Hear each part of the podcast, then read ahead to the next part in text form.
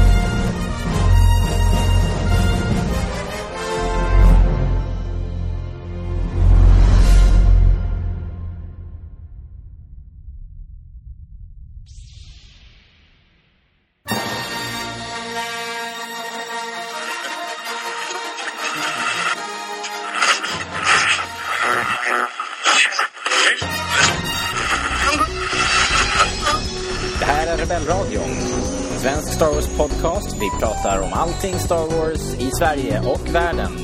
Hjärtligt välkomna.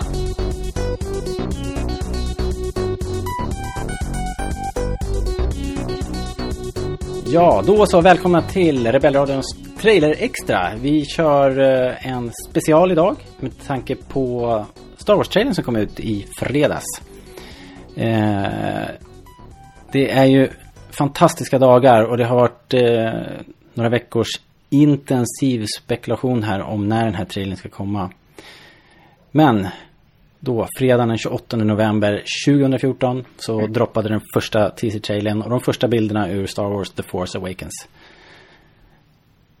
Vi ska analysera den här, prata av oss om våra eh, känslor efter att ha sett den här eh, Star Wars, nya Star Wars. Nytt material för bio. Vi har ju sett mycket material på tv förstås men det här är ju något helt annat naturligtvis. Eh, senaste begav sig var det ju Revenge of the Sith 2005. Det är alltså drygt nio år sedan vid det här laget. Och vi som ska prata om det här idag det är jag, Robert. Och så har vi med oss Hanna. Hallå! Hej! Hej! Vi har med oss Erik. Hej! Och så har vi med oss Rasmus. Hej hej, Tjena mors. Eh, Rasmus, du är med oss eh, en halvtimme här ungefär. det stämmer. Eh, så vi, vi kör på, får vi se. Mm. Eh, ja, vi hade blivit lovad 88 sekunder då. Hade JJ sagt och eh, det skulle bli premiär på ett selekt antal biografer i USA och eh, Väldigt exklusivt lät det. Ja, det lät det först. Men det ändrades ju ganska snabbt och vi misstänkte väl också att det måste komma på nätet. Det ju, hade ju varit väldigt konstigt annars. Ja. Så då sa de så att det skulle bli någon sorts iTunes eh, exclusive. Eh, och, men de sa fortfarande inte när, så folk satt och hade vakor i USA och sådär, väntade på att den skulle komma när det vart midnatt på deras Pacific time då i Los Angeles. Mm. Och då hade ju de på västkust, eller vad blir det, på, på deras östkust setat uppe till klockan tre på Mm. morgonen och sen kom det ingenting i alla fall. Men var det John Boyega twittrade ut en, en countdown-bild som stod på 10. Mhm. Och den var exakt 10 timmar innan eh, midnatt någonstans typ. Jaha. Jag tror att det var midnatt på västkusten. Så att alla tog det som att så här. Ja, då på klockslaget. Men han menade nog att den dagen. Ja, Alltså precis. att nu är det 10 timmar kvar till den dagen då, då trailern kommer. Han kanske inte visste heller. Eller så bara Nej. trollade han. Han är, Han skrev han är ju att ett det var 10 superfan. timmar då. Så det inte var så att någon sa åh det är 10 sekunder kvar, shit jag måste in på internet. Ja, alltså jag, jo, jag tänkte väl så också. Ja. Eller 10 minuter och sen så bara nej nu har det gått 10 minuter och 10 sekunder så ja då får det vara 10 timmar ja. Nu har jag suttit här i 10 timmar. Så kommer den om 10 dagar istället. Ja, precis. Ja. Mm.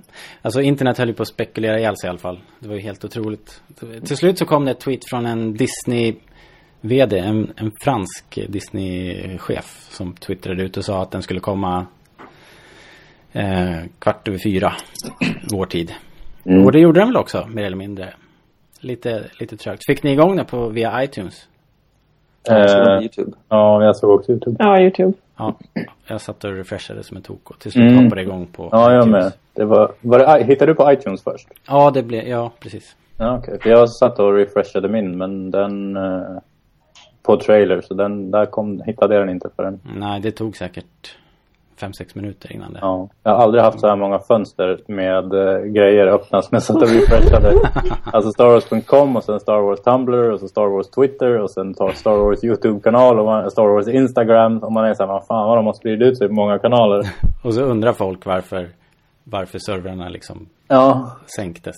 Alltså jag tog det ju rätt lugnt för jag tänkte att jag skulle jobba klart, sen komma hem och se eh, teaser-trailern för första gången med Erik som då också skulle se den för första gången. eh, men det misslyckades jag med för han fuskade ju. Åh, ja vi, har, vi, har inget, vi har inget avtal på det här. Nej, uppenbarligen inte. det var ett sånt där oskrivet. Ja, jag trodde det men nej. Ah.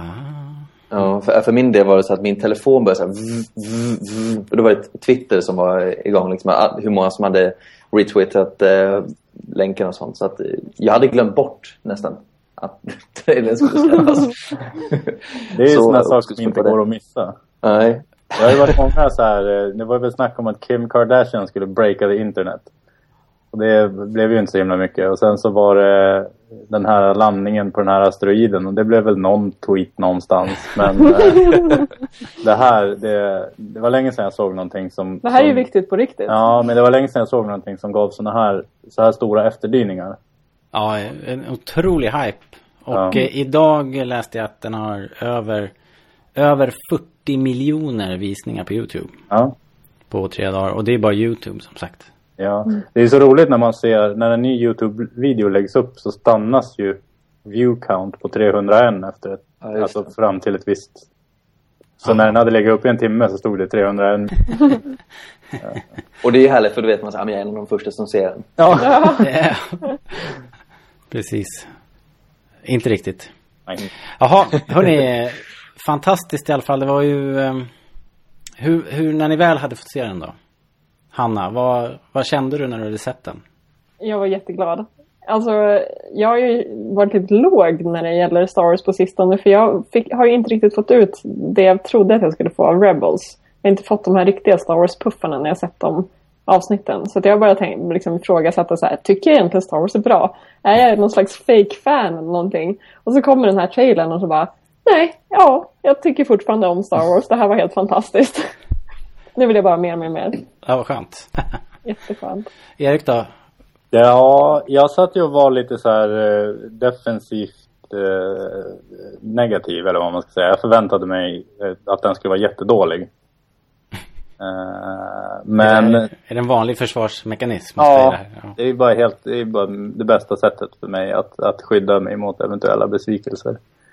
Men eh, det tog väl, det tog väl ett par dagar innan hårstråna la sig tror jag. jag. Jag tyckte den var, den var så långt över vad jag hade förväntat mig. Eftersom att jag hade förväntat mig att den skulle vara lite så här kass.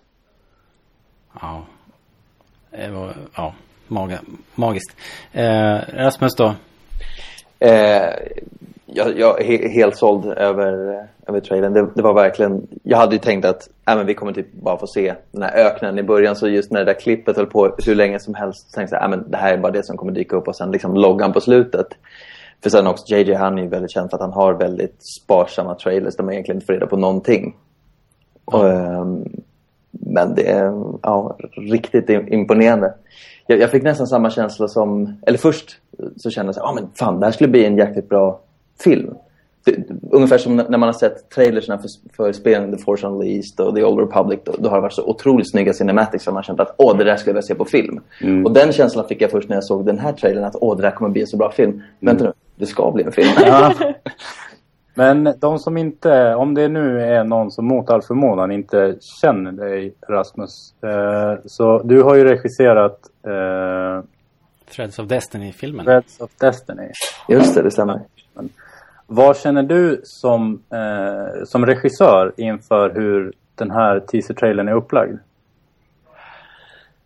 Um, ja, jag tycker den, den är väldigt smart eh, upplagd liksom, för att den, den, den skapar ett intresse och väldigt många frågetecken. För vi får ju inte någon som helst koppling till vad som hör samman. Eh, det, det är flera eh, vi får, det är olika karaktärer som vi, vi, får se i olika scenarier men inte som knyter an till varandra. Eh, och då börjar hjärnan på en gång kicka igång, så här, vad kan det betyda? Vilket sammanhang har alla de här människorna? För något sammanhang måste det ändå vara. Mm. För att de ska kunna knyta ihop det till en två timmars film. Um, men eh, supersmart att de sparade på krutet och visade Falken i slutet. Mm. Mm. Det är verkligen det crescendot liksom som alla pratar om att det var det som var häftigast. Mm. Jag tycker att det var ett väldigt intressant upplägg precis i början när de bara filmade en tom öken. Ja. Och att John Boyega dök upp från ingenstans. Men sen så är det ju, den är ju, det är många korta klipp och som du säger, många olika, eh, många olika scenarior. Mm. Om man ska säga. Ja, det är en snygg, pres uh, snygg presentation av olika eh, karaktärer. Eh, hade ni, vi hade ju lite, eh, inte vadslagning direkt, men vi gjorde ju förutsägelser och så innan. och eh, hur, hur det än gick med det, så kan man väl säga att eh, eh, det som lyser med sin frånvaro är ju Harrison Ford, Mark Hamill och Carrie Fisher. Mm. Just det. Eh, så att vi, Fast vi har ju Falken. Jag, jag, jag tycker inte att de, de lyser med sin frånvaro. Indirekt så har vi dem ju Falken där. representerar. Ja, eller hur. Alltså, de behöver inte hur mycket som helst av den gamla, gamla Star Wars. Alltså, man fattar. Mm. Jag, tycker det känns, jag tycker det känns lagom mycket. Det blir verkligen inte så att de trycker upp eh, liksom, originaltrion i ansiktet på utan man, de bara hintar om att just det, ni får massa annat. Ja. Ni får en massa uh, original trilogy mums. Liksom. Vi får ju liksom öken, vi får stormtroopers, vi får X-Wings. Det är hur mycket godis som helst liksom, som bara andas och skriker Star Wars. Så att, ja, eh, just på den punkten, de vill ju också fronta de nya karaktärerna. För jag misstänker att de här tre personerna som vi ser i den här filmen är, eh, trailern är ju våra nya huvudkaraktärer. Som vi kommer följa sen i 8-9. Ja, det mm. tror jag också. Och, och det var det var på, på sätt och vis skönt tycker jag. För har, inte varit lite, har vi inte varit lite oroliga för att de här gamlingarna ska ta över på något sätt? Jo. Jo. Så det, jag tycker det var ganska befriande att, att de inte var här front and center. Mm. Faktiskt. Ja, det, det, det, kommer ju bli en uh, rejäl passing of the torch-känsla genom mm. filmen på något sätt. Bara det inte blir något väldigt antiklimax om att det sprängs och så. Hopp, där försvann de. Vad, jag vet att det är kort om tid här Rasmus. Vad, vad yes. tycker du om eh, det tekniska då här? Eh, det har ju pratats jättemycket om practical effects och så. Jag vet inte hur mycket vi fick se av det i det här teasern. Eh, vad tyckte du om effekterna? Supersnygga effekter. Eh, det enda jag har lite emot det är möjligen den här eh, bollroboten liksom med det här guppande R2-huvudet liksom på. Det, det har jag väl lite svårt för, men eh, som du sa Robert, liksom, det, det, är väl för, för barnen och det ska säljas lite leksaker också. ja. Jag är nyfiken på hur leksaken på den där ska fungera. ja. Jag är, det, är det rent estetiskt du inte gillar den? Eller är det tekniskt att det är liksom CGI rakt av? Ja, det, det, är nog mest eh, estetiskt som jag inte gillar den. Eh, just den här känslan av att det bara guppar huvudet där uppe. Det känns som en sån här eh, wobble figur på något sätt. Nej, den kändes väldigt Disney-cartoonish. Lite som de här eh, figurerna i Skönheten och odjuret. Så du tänker på tekannan och ljusstaken? Ja, ja men just precis. just den bilden fick jag. Och ja. den är väldigt... Den skär sig väldigt mycket om man tänker från det andra vi ser, liksom här eh, stormtroopersen ombord på en, vad vi kan misstänka är någon form av eh, landningsskepp liksom som i, i, mm. mitt i någon belägring med stormtroopers som förbereder sina vapen och allting. Det, det skär sig väldigt hårt. Mm. Um, men det är väl också för att visa på en bredd och eh, ton för hela filmen. Att det inte bara liksom mörkt, dystert och eh, action. Utan det är lite familjevänligt också så att alla från eh, 7 till 80 eller 100 liksom kan gå och se filmen. Mm. Det är ju coolt det upplägget att det är eh, John Boyega i en, i en Stormtrooper-rustning. Och sen så är den här nya droiden och sen så är det nya Stormtroopers och sen så är det Daisy Ridley, en ny karaktär på en ny speeder. Sen så är det nya X-Wings, sen så är det en ny skurk och sen avslutar de med det gamla. Mm. Då är det alltså en gammal, den, ja, den, den som vi känner väldigt mycket väl, den årtusende Falken och gamla TIE Fighters som alla känner igen. Så att det är nytt, nytt, nytt, nytt, nytt och sen så är det som gammalt. Mm. En varm filt till gamlingarna på slutet. Ja. Stoppa om oss lite grann. Mm. Eh, Och det är väl kanske en sån, det kanske är en visuell representation av hur filmen kommer vara också. Det kommer vara väldigt mycket nytt i bekanta miljöer för att det är ju ändå gamla saker men lite modifierade. Mm, Just det. Ja, det är fortfarande väldigt mycket originaltrilogi-känsla på det, det tycker Mm. jag. Precis, precis. Och väldigt mycket praktiskt också. Mm. Det känns ju som att det finns en eh, textur, det finns ett djup i allting som vi ser.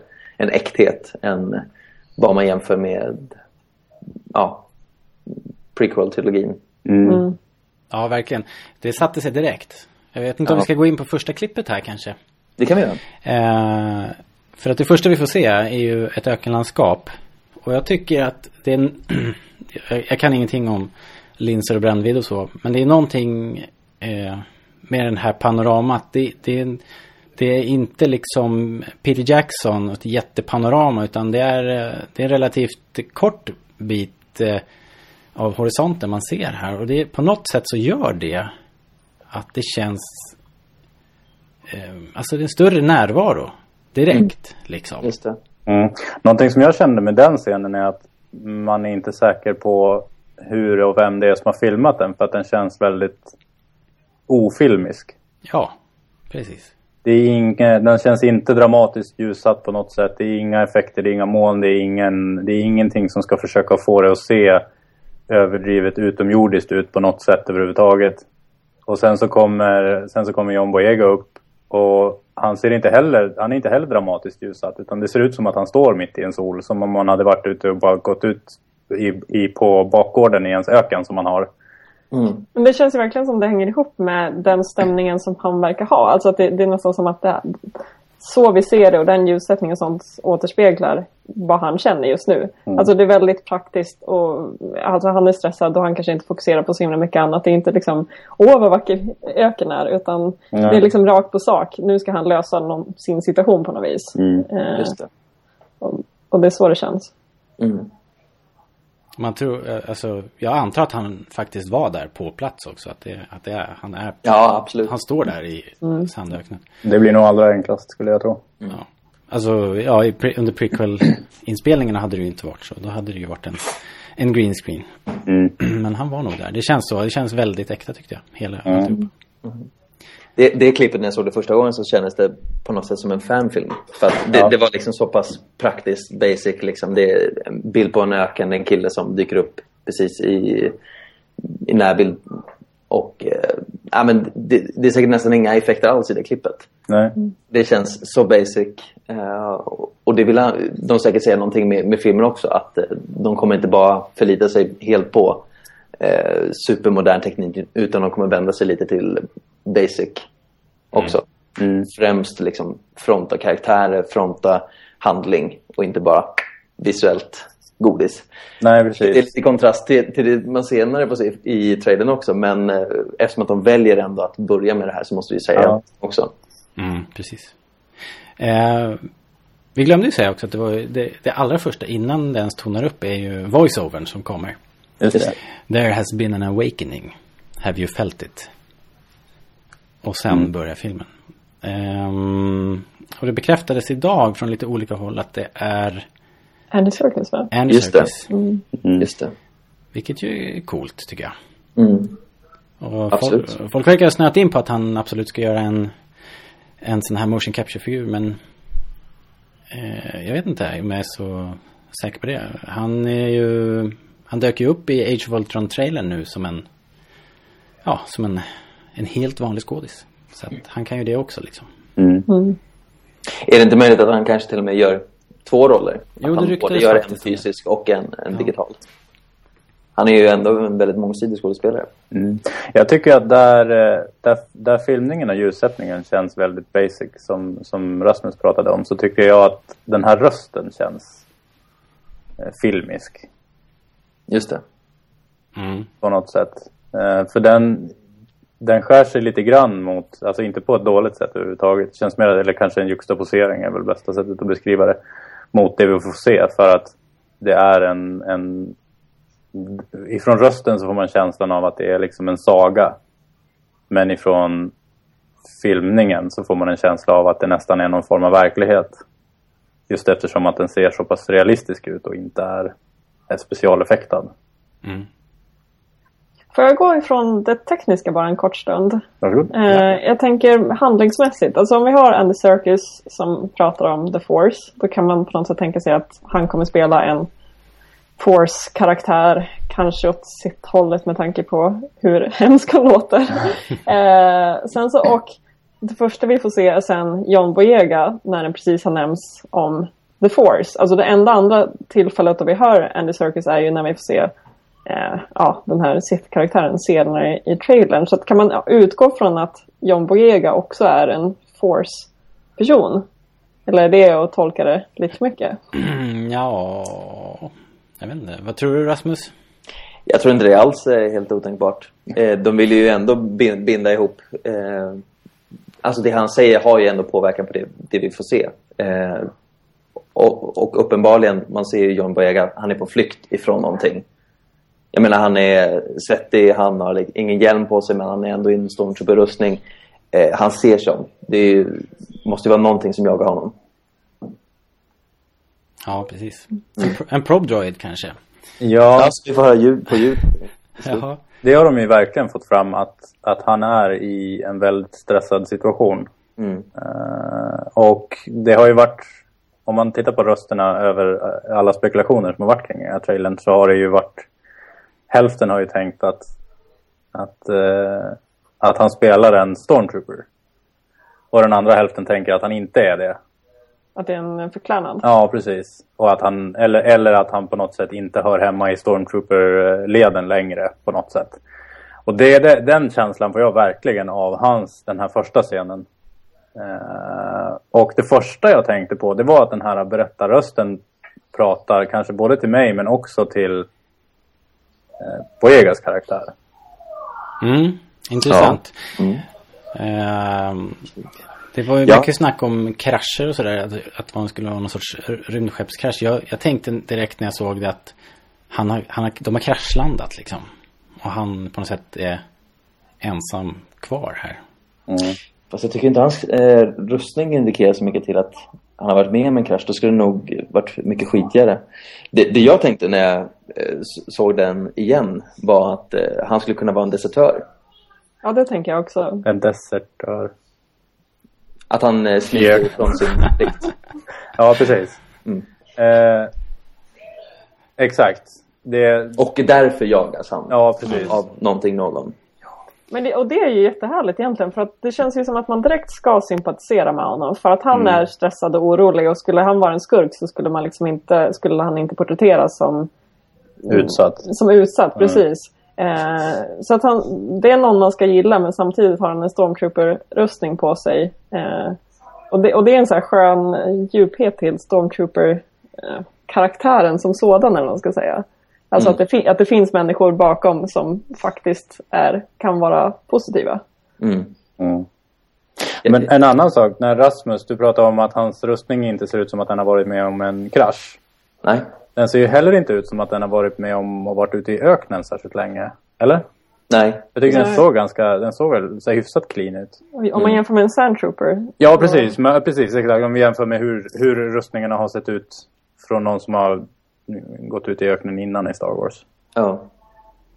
Eh, Ja, sen- om, om man ska sp- spinna vidare på just det här med att han är en desertör liksom, så har han ju kanske sett sin chans att smita därifrån och eh, då Mm. har han ju stuckit med vad han har haft på sig. Mm.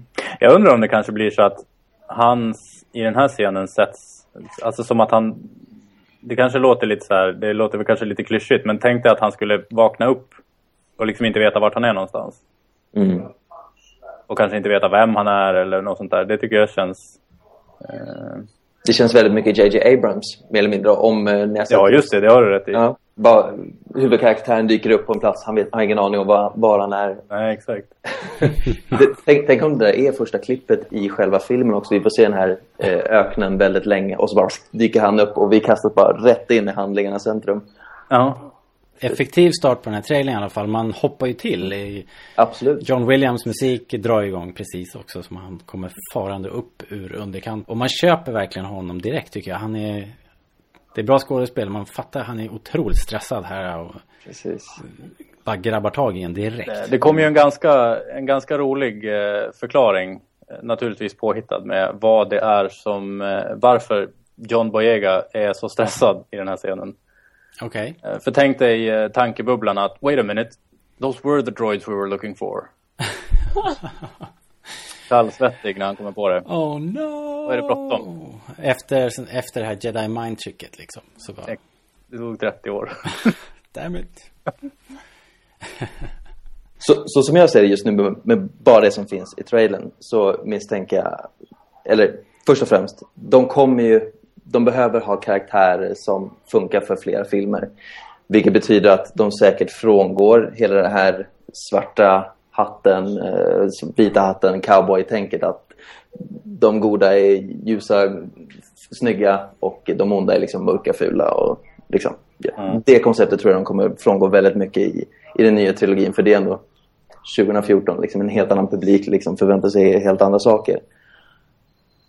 Och bara vi tittar på, vad får vi se? Jo, vi får se en stormtrooper på flykt ifrån någonting. Vi får se en eh, tjej, smugglare.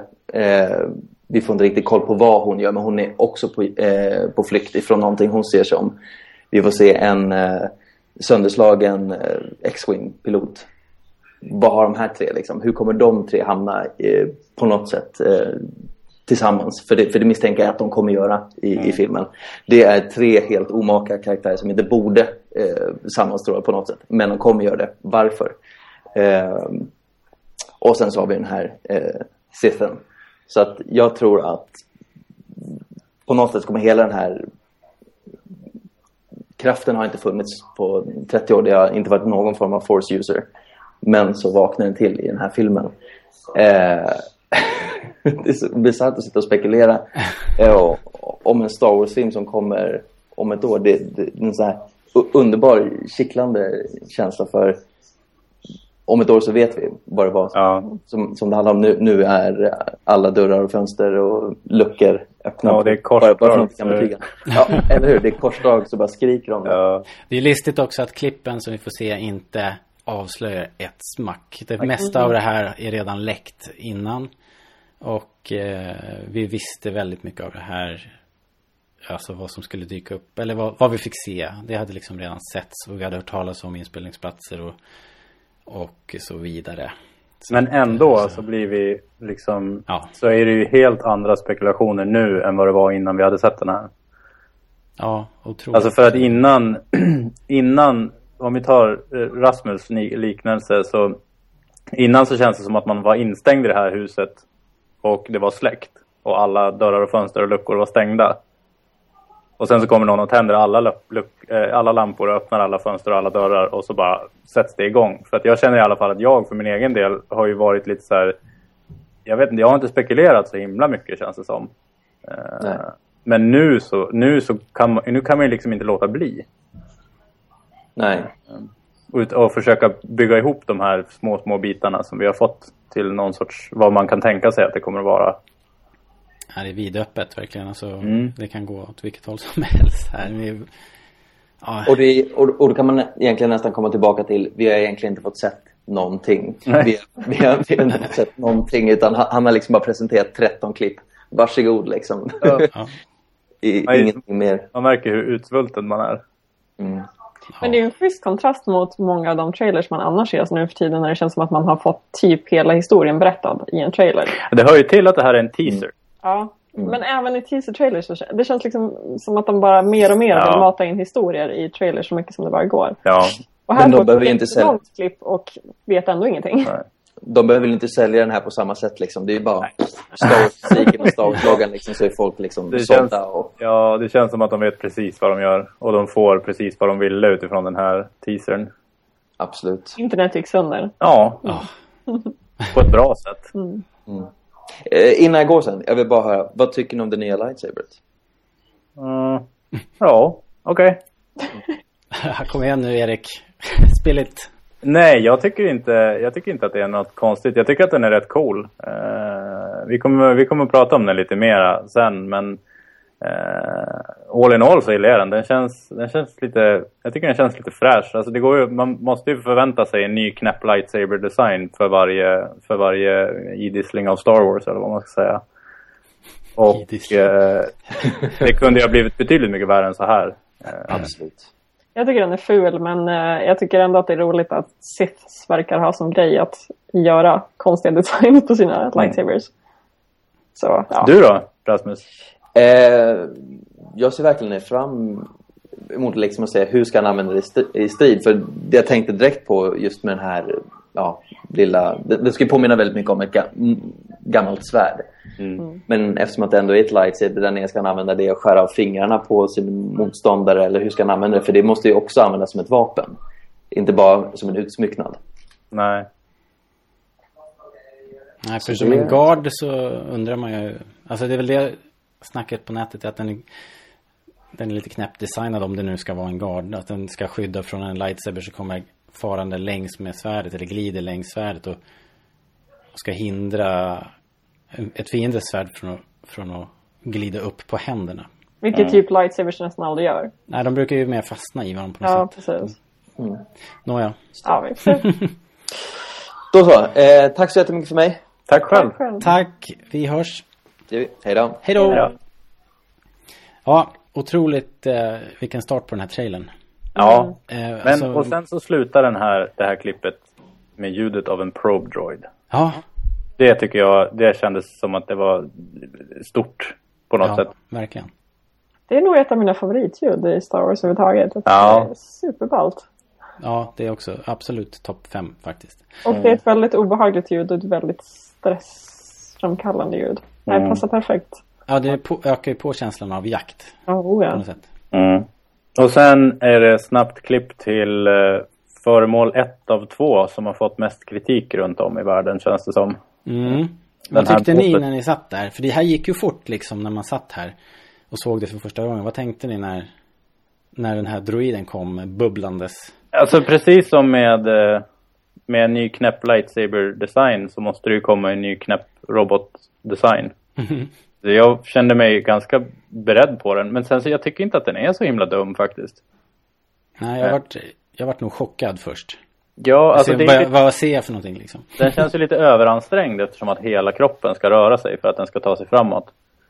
Men eh, det Ja. kan ju vara lite svårt att köra på hjul på en ökenplanet så att den framkomligheten har den ju. Eh, och den är ju uppenbarligen snabb. Ja, Så precis. jag tycker inte den känns så himla dum. Den ser kanske lite så här... Alltså den ser ju lite så här smålustig ut men det är ganska många såna här Astromex som gör det. Jag kände nog bara att när jag såg den här att så här, just det, de måste ha ett humoristiskt element. Ja. Eh, och sen blev jag lycklig över hur kort elementet var och eh, att det bara var ett. Alltså jag fick känslan av att den här lilla, lilla roboten var väldigt, väldigt stressad. Ja, jag tycker inte att det känns som att han åker omkring och bara är lite lustig. Nej. Nej, det håller jag med om. Fast jag tycker inte att det känns som att den personligen är stressad utan mer att så här, den ska mm, åka iväg och hjälpa någon. Ja, den har bråttom i alla fall. undsättning. Musiken gör ju sitt till också förstås. jo. Vi är fortfarande i jaktmode. Ja. Men eh, eh, den, den mottogs med, med skratt och jubel här hemma kan jag i alla fall säga. Ja. Utav, eh, utav de... Det var, jag, var, jag var i chock liksom. Jag satt ju, jag, jag satt ju och kallsvettades. Ja. Och jag hade, hade en fysisk reaktion så här. Håret såg rakt ut och jag bara svettades liksom. Ja. Så, jag- så jag visste faktiskt inte vad jag skulle tro om den här först. Men jag gillar den nu. ja, jag Den tycker det är är snyggt. gullig och, och rolig. Och sen så dessutom, som lök på laxen, så fick jag höra idag att den, eh, den har rötterna i Ralph McQuarrie designer. Så att den, de, från allra, allra första början så beskrevs, jag tror George Lucas beskrev den här R2-roboten för Ralph McQuarrie som en, som eh, ett robothuvud på en boll, en gyroboll. Mm. Så det finns väldigt tidiga skisser åt det här hållet. Sen jag har hört att den här, eh, den här har redan ett eget Twitter-konto. Förstås. Naturligtvis. Mm, det första den tweetade var They see me rolling, they hating. Ja. Helt rätt. Mm. Ja, Bubblan bryr sig inte. Nej, inte ett dugg. Nej. Och det ska Jag vill se vart den eh, passar någonstans, vart den ska sitta. Ja, du tänker i ett skepp och så ja. Ja, Mm. någon cool liten eh, grop. Man hoppas ju också att den inte är för eh, för jäkla eh, smidig. Liksom att den kan, Att den kan veckla flyga ut och- sig och kan flyga och jag ben. Ja, och sådär. studsbollgrej är jag lite orolig för. Mm. Så att den måste vara lite otymplig. Känner Ja. jag. Så här. Men vi får se.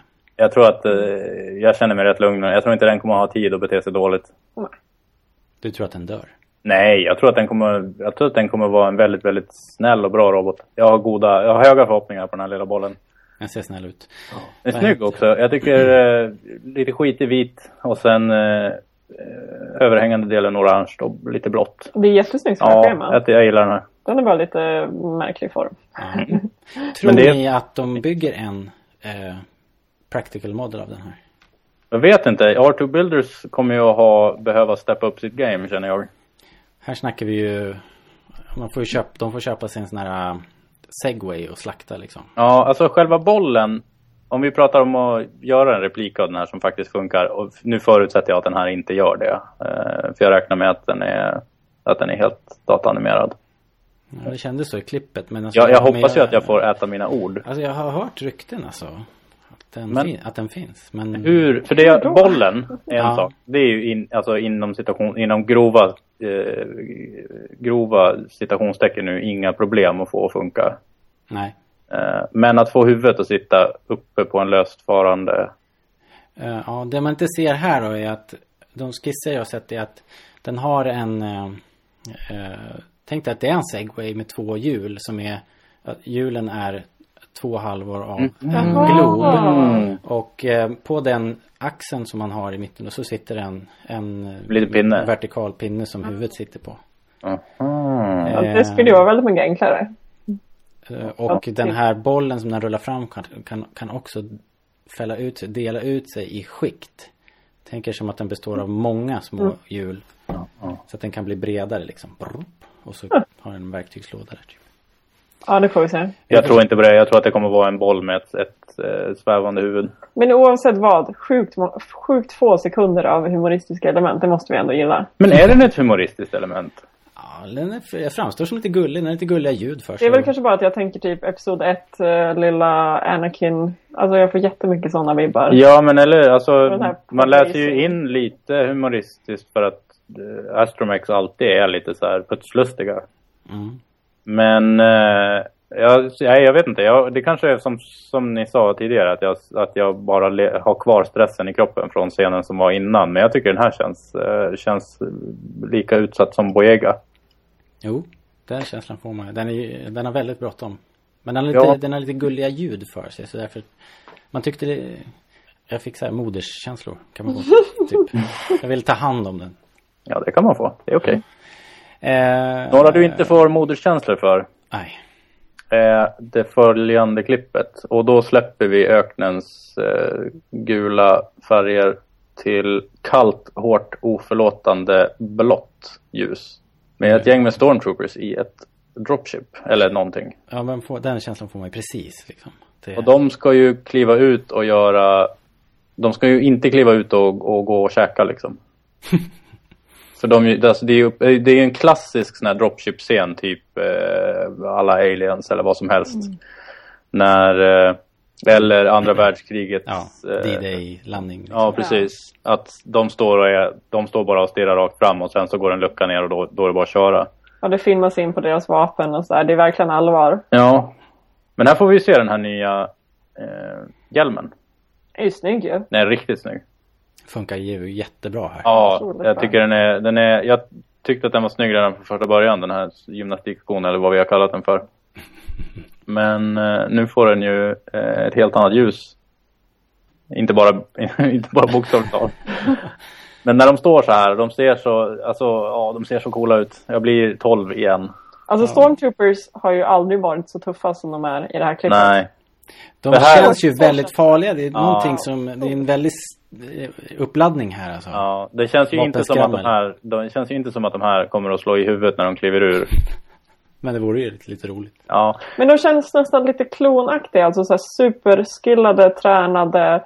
Eh, som att de inte har något annat liv än att vara ute i strid. mm. Det, är- det är den känslan jag får, vilket jag absolut inte får av eh, originaltrilogi i Stormtroopers. Någonting som är väldigt oklonigt med dem, eh, det är ju att de är olika höjd. Mm. Det känns nästan betonat. Ja. Det var ju någon spekulation här att den, den troopern som är i fokus, Ja. han är betydligt kortare. Mm. Och att det då skulle kunna vara Bojega som är, har gömt sig i det här gänget. Mm. Eh, så Men även- aren't alltså- you a little bit short for a stormtrooper? Ja. Men även om du räknar bort eh, dem så är det ju ganska stor skillnad på, Ja, faktiskt. på höjden på Man ser det, han som står längst bak där är också en deskort. Så, nej det är inga kloner. Han ser ut som någon, han ser riktigt lång ut. Bakom Bojega ja. Ja, eller... Chewie. Eller den som är i fokus kanske jag ska säga. Jag, jag vet inte att det här är Bojega. Sen har de någon efterträdare till eh, E11 Blastern. Mm. Nu är det mycket vitt. Ja, tycker vi om det då? Mm.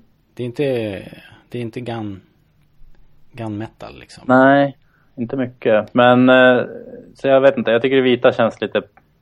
Hasbro tycker nog att det här är fantastiskt. Mm. Eh, För då behöver de inte, då kan de bara köra den här rakt ut. Eller vad man ska säga. Precis.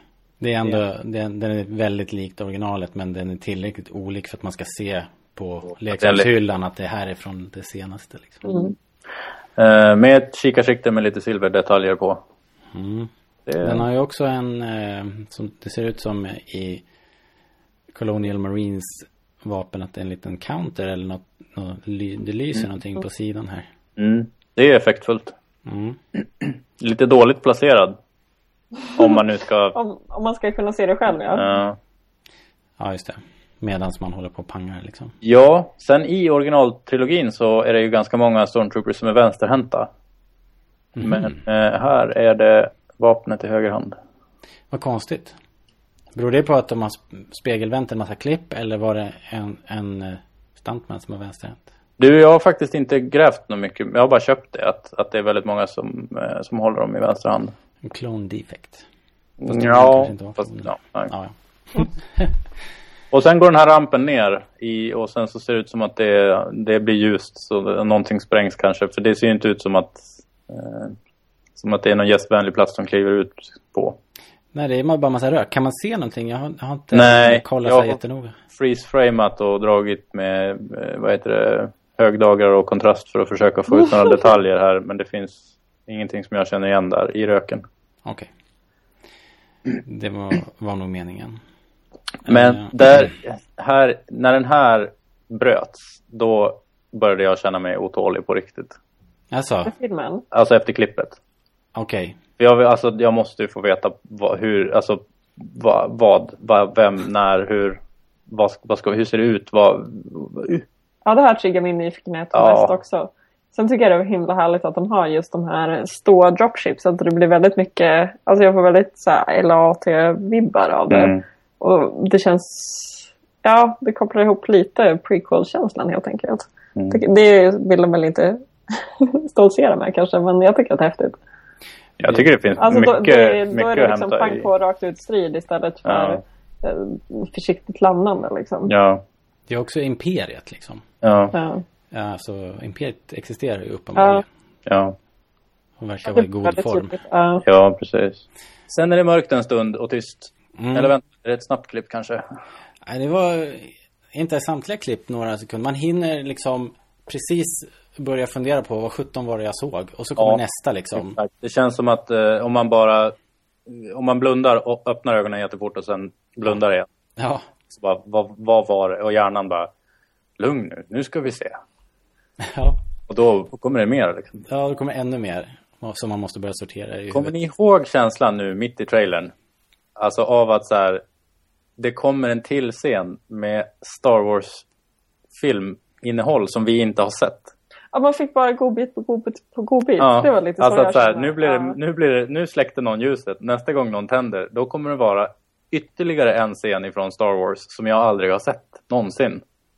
Ja, det var extremt påtagligt. Jag var, jag är det nu, när vi står här och pratar nu, så är jag eh, eh, ganska spänd och liksom, ja det är, det är fortfarande en mäktig känsla. Bara jag kollar på de här stillbilderna och när jag satt mitt i det så var jag verkligen Chockad. chock. Alltså, Ja. jag var kallsvettig.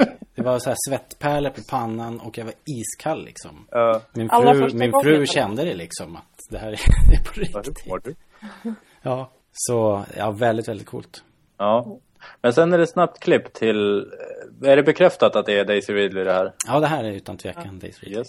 På en... eh, I början så ser man inte vad det är hon sitter på, men eh, det är en speeder i alla fall. Ja.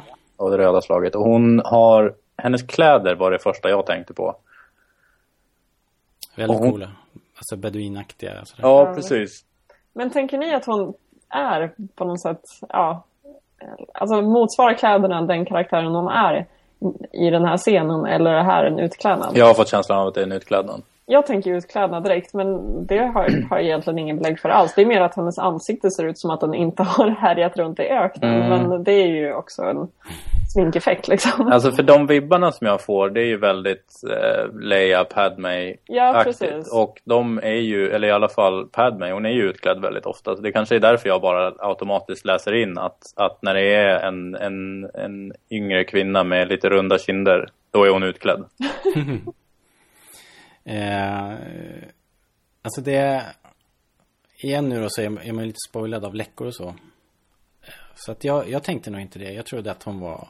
Hon är ju uppenbarligen också jagad. Det fortsätter bara.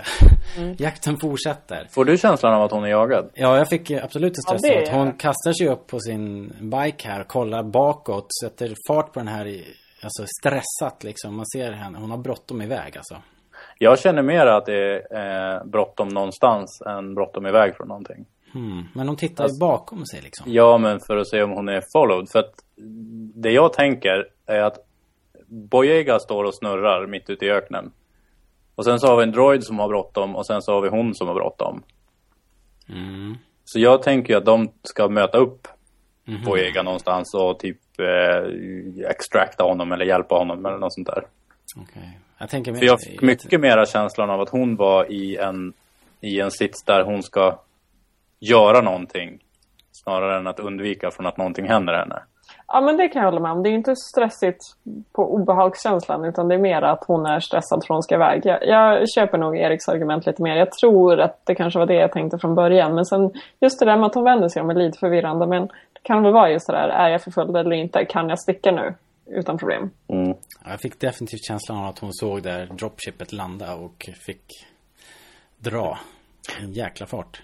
Sen kan man ju kanske tänka sig att det andra klippet som följer där hon faktiskt åker iväg. Det, de här två klippen behöver ju inte ligga efter varandra i filmen sen. Nej, det finns ju en sak som pekar på det. Eh, I närbildsklippen så har hon ju en stav fäst vid speedern. Mm, Mm, exakt. Den är borta. precis.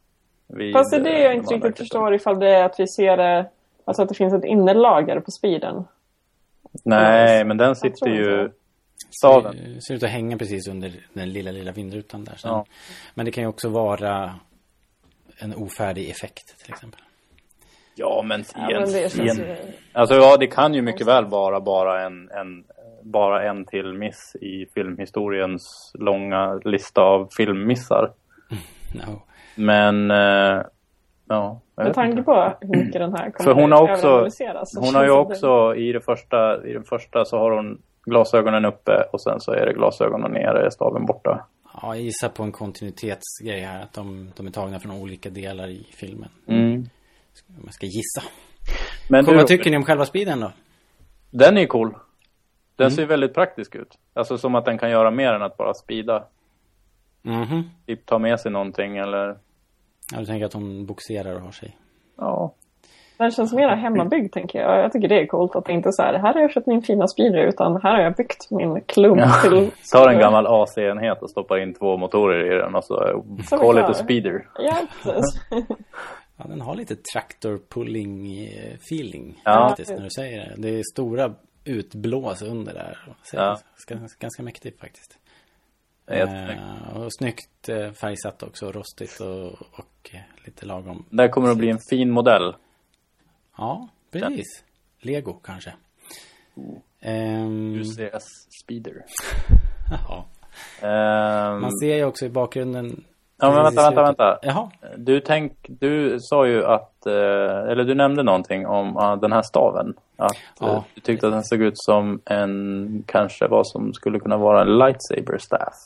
Ja, alltså om man kollar på den här staven så har den en, en lång stav och i änden så sitter någonting som är, för mig ser ut som en ljussabel. Mm. Den har ju det här klassiska, den har ju den klassiska oergonomiska greppet som lightsabers alltid har. Ja, De är aldrig gjorda för att de ska se ut som om de ska på något sätt vara bekväma att hålla i överhuvudtaget. Jag känner mig så simpel att jag bara tänker att det är en slug thrower. Alltså att det är, tänk dig det Sand People går runt med. mm. Eh, så bara så här hennes praktiska försvarsvapen i Mm. öken. Ja, de har ju, vad heter det, projektilvapen. Ja, precis. Och sen så har de ju sina gaffy sticks. Jag menar projektilvapnen. Mm. ja så kan det såklart vara.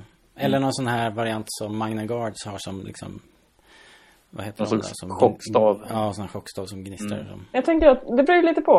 Alltså, är hon eh, utklädd, då kan det vara något slags finare vapen. Om hon faktiskt bor ute på öknen och det här är liksom hennes liv, då känns det som att eh, alltså, Magna Guard Staffs känns för high-tech för henne.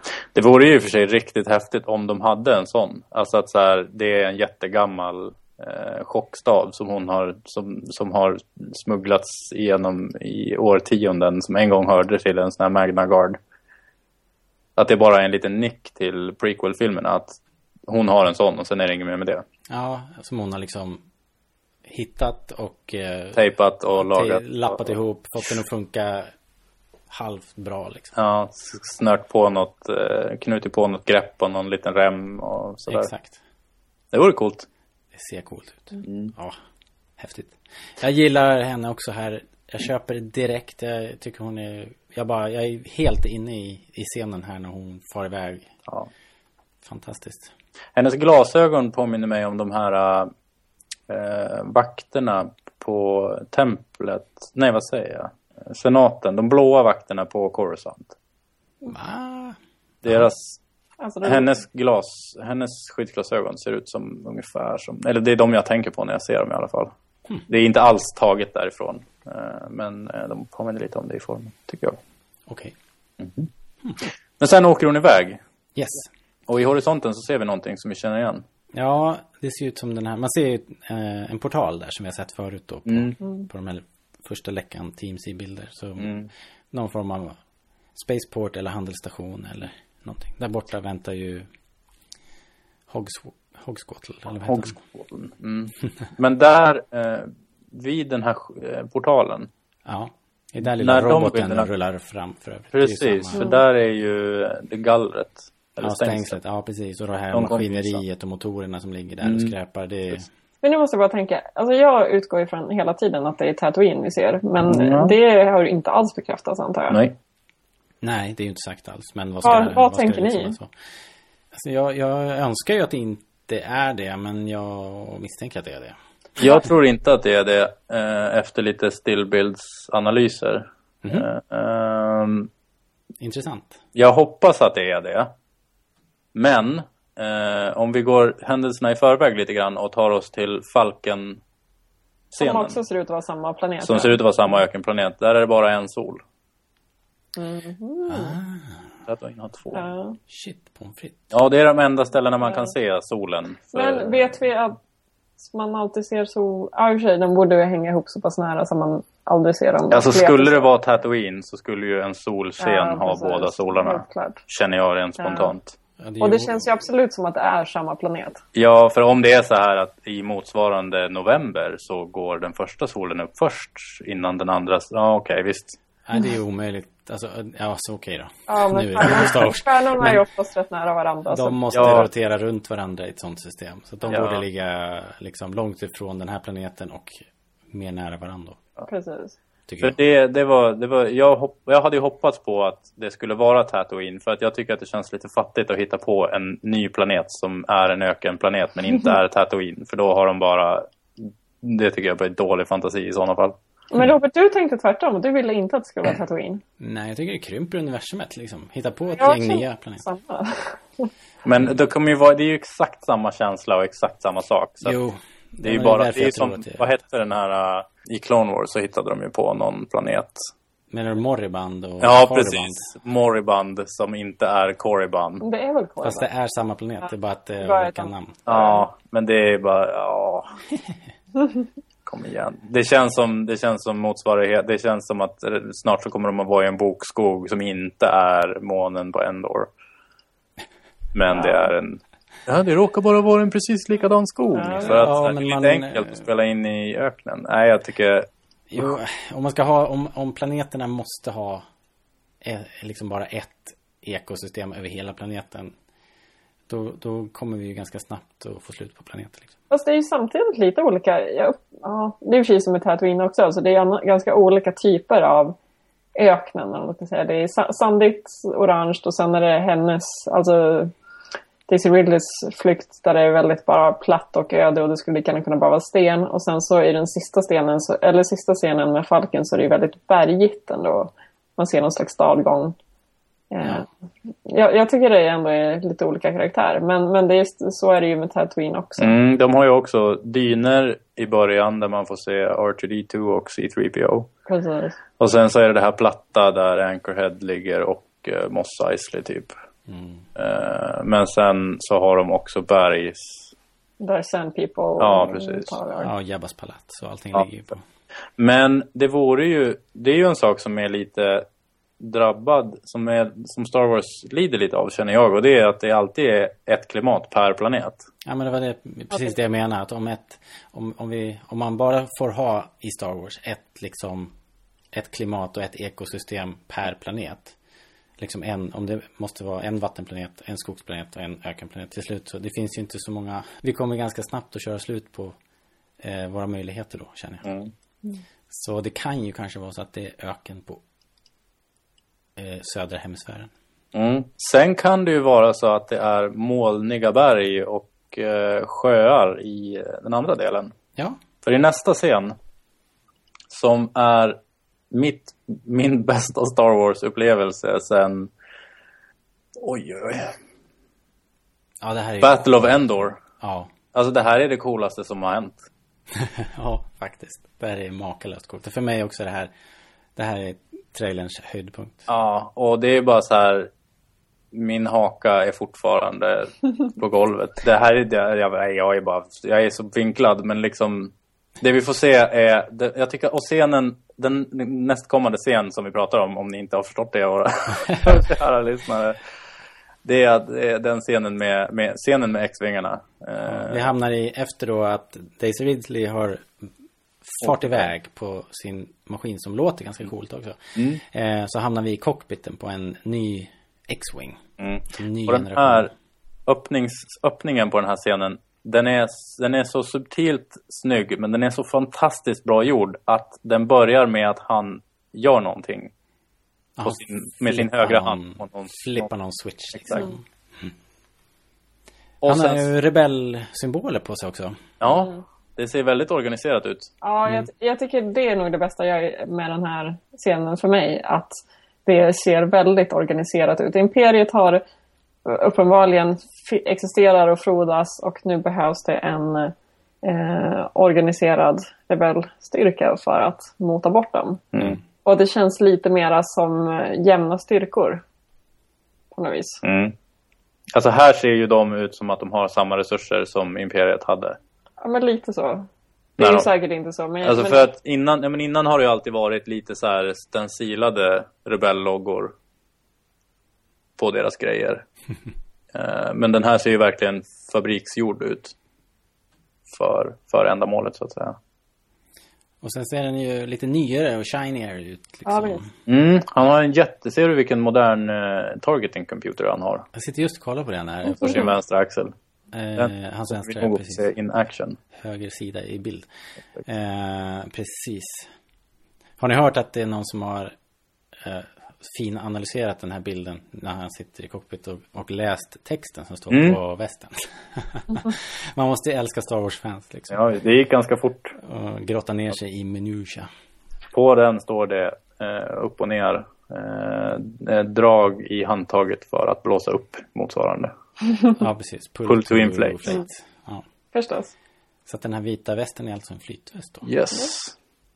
Ja, men det var smart. Ja. Smart.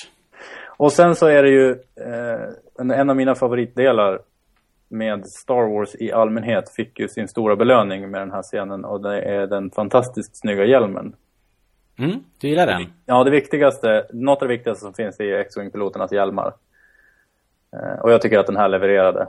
Ja, jag gillar den också. Den, visst påminner den lite grann om, eh, är det eh, Avinge-piloterna som har de här hak och lite, Lite ansiktsgrejer. Lite skydd, kind, kindskydden som sticker fram liksom. Den, Mm. den har lite åt det hållet också. Väldigt cool. Jag gillar den också som fasen. Har ni Den sett är- att han har värsta blåklockan också? Det är ju, skådespelaren är ju Oscar Isaacs.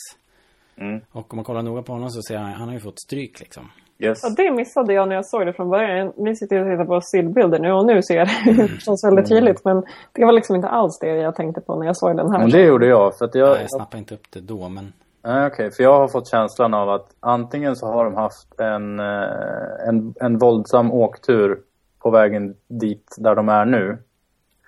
Eh, eller att de hade en våldsam stund innan de hoppade i cockpiten. För oavsett vad så ser det väldigt... Det ser ut som att inte... Alltså det är ju ganska uppenbart att det är bråttom eftersom att de åker jävligt fort. Men det känns som att jag får verkligen känslan av att de här tre, vi får se tre X-vingar i bild. Och eh, jag får känslan av att de är ute på någonting som är väldigt stressat och som känns ganska desperat. Alltså det ser ju, som ni sa, väldigt organiserat ut i alla fall. Det är full fart i eh, bara en halv meter över vattenytan och eh, någon sorts attack run är det ju. Ja, för nästa, ja, precis. För nästa klipp i den här scenen det är ju när man får se när de följer, eh, när de följer de här tre och de, och de åker in i bild. Otroligt snyggt klipp. Och det är ju bara, det var ju bara, ja, nej, jag, jag, ja ni hör ju hur jag låter. Men när man får se när, eh, när luft, luftströmmarna ifrån de här X-vingarna kickar upp vatten, vattenånga motsvarande. Och man ser ju också i cockpitscenen så får man ju se hur det kommer vatten på vid, mot- vid och kring motorerna. Eh, utanför, utanför fönstren. Då fick man ju känslan av att det var någon sorts vattenplanet. Men det är det ju, eller något regnigt eller något sånt där. Men det är det inte, utan de, de flyger bara väldigt nära vattnet. Det är lite fascinerande att se X-vingar så här nära marken tycker jag överhuvudtaget. Alltså, Mm. För mig är X-vingar rymdskepp Mm. med betoning på rymd. Jag har ju liksom sett i serietidningar och sånt där att de, håller sig ju även inom vad säger man, atmosfären. Eh, Men, eh, men det är ju liksom inte, i filmerna har det ju inte varit särskilt vanligt tidigare. Nej, det är ju när Luke kör ner sig in i ett träsk. Ja, det ser ju hur bra det gick liksom. Det får man ju bara se, det får man ju bara se ifrån cockpit. ja, att- Scopes are down. De, Så att det, alltså och start från, finns start det från inga rymdscener i hela tra- trailern. Nej. Nej. Och det är- tycker jag är fascinerande och jag är väldigt nyfiken Mm. på syftet bakom det. Kommer det vara mindre rymd överhuvudtaget eller finns det någonting som vi ska läsa in i det här? Mm. Här fick, I den här scenen fick vi ju svar på hur eh, vingarna på den nya X-vingen öppnas. Ja. Det var Precis. coolt. Det var väl ungefär som, Som vi hade oss. analyserat, ja. Ja. Skönt att få det avklarat nu va, Hanna? Ja. Jag kommer ihåg att Hanna sa att du vill inte sitta sen i biosalongen och konstatera att jaha, det var ju det vi sa. Nu fick vi det, överstökat här. Det var ju Men det, nu, nu vill jag bara se hur motsvarande turbinblad i någon sorts luft, eller intag fungerar. För att det är ju alltså en stor intagstrumma som delar sig i två halvmåneformade intagstrummor. Ja, just det. Det kan ju alltså inte vara en turbin som delar på sig. Nej, det är orimligt. Det skulle vara overkligt. Overkligt Eh. ordet. Men de har ju tagit Ralph McQuarries design ganska precis. Fr- Framförallt hur den här, hur, eh, hur motorerna delar sig. Mm. Eh, Sen hur vingarna delar sig har de hittat på själva. ja, precis. Det, är Eftersom nog, att det, det- det känns helt nytt. Ja, det är någon sorts saxvariant. Så att vingarna är, när de är utfällda så är de smalare, eller kortare eller vad man ska säga, än vad, än vad en vinge är när den är infälld. Ja, när de gamla la, la sig på varandra som en dubbelmacka så fälls de här ihop till en vinge kan man säga. Mm. Det är lite svårt att förklara, men eh, jag tror att om man freeze-framar så ser man det klart och tydligt. Jag tror att våra intelligenta lyssnare förstår. Ja. Men coolt är det i alla fall. Otroligt coolt! Jag- Eh, vi ser ju de här öarna också i bakgrunden. Vi kan ju väl kanske misstänka att det är de här fågelöarna utanför Irland. Skellig Island, Ja, ja. eh, möjligen. Okej. Det kan det mycket väl vara. Där vet vi också att Mark Hamill var och spelade in lite scener. De här X-vingarna är ju inte svarta. Nej, precis. Det är coolt. Precis. Vi har fått sett läckta bilder på en som är svart och orange. Jag kollade, kollade som fasen efter den här, men den är ju inte med här. Sen en sak som jag inte har lyckats se, men som jag bara förutsätter, det är att det sitter Astromex bakom piloterna. I cockpiten? Nej, utanpå, precis som vanligt. Aha. Eller som den gamla, men man ser inte några Astromex i den här scenen. Men de är nog där. Det tror jag. Ja. Och, den har, och de har sitt, eh, sitt klassiska rosa-aktiga motorglöd. Mm. Ja, vilken scen alltså. Ja, den här har jag sett. Alltså jag har ju sett trailern om och om igen. Eh, Men varje gång så sätter jag muspekaren på precis där den här scenen börjar. Och så låter jag bara den här scenen spela ett par gånger. Eh, riktigt snyggt. Så den här kommer att ta sig in i, i din eh, Ultimate Star Wars edit sen då. Ja, helt klart. Det kommer bara vara den här i några 45 minuter. För mig är nog nästa scen mer intressant. Men kanske också just för att det går att spekulera i det oändliga Ja, från den här scenen. Det är alltså så här blir det mörkt. personen i skogen och vi har en voice-over igen eh, som pratar om ja, att det både är den mörka och ljusa sidan som Mm. har vaknat. Man kan ana att det är en Sith i och med att det är röd, röd färg på ljussabeln. Väldigt speciell då, som vi var inne på, form på sabeln. Eh, Som förstås direkt blev hatad på internet. Eh, men mm, jag vet inte, för mig, jag bryr mig inte så mycket om den här parerstångsliknande grejen egentligen. Men det finns ändå så mycket härliga frågetecken kring det. Det är ju först och främst, vem är skådespelaren? Eh, vi har varit inne på det lite grann här, eller vi har pratat för oss själva innan. Jag hoppas ju på att det är Gwendolyn Christie. Ja, Men jag tror att det är en önskedröm. Det är, hon- eh, Gwendolyn Christie är hon som spelar, eh, vad heter hon? Hennes, Brienne. Brienne i just det. Game of Brian of Thrones. Ja. Så jag har ju försökt jämföra liksom, hennes rygg i Game of Thrones med den här stapplande personen vi får se i den här scenen. Annars tycker jag, alltså, det ser ut att vara en ganska storvuxen person. Jag tror till exempel inte att det kan vara Lupita Nyong'o eh, som jag, känns som en ganska nätt. Ja, Människa, den liksom. här är lite mer bredaxlad liksom. Ja, och det tror jag är därför alla utgår från att det är en man. Men, så, men är det en kvinna så tror jag att det är Gwendolyn Christie är det enda alternativet egentligen.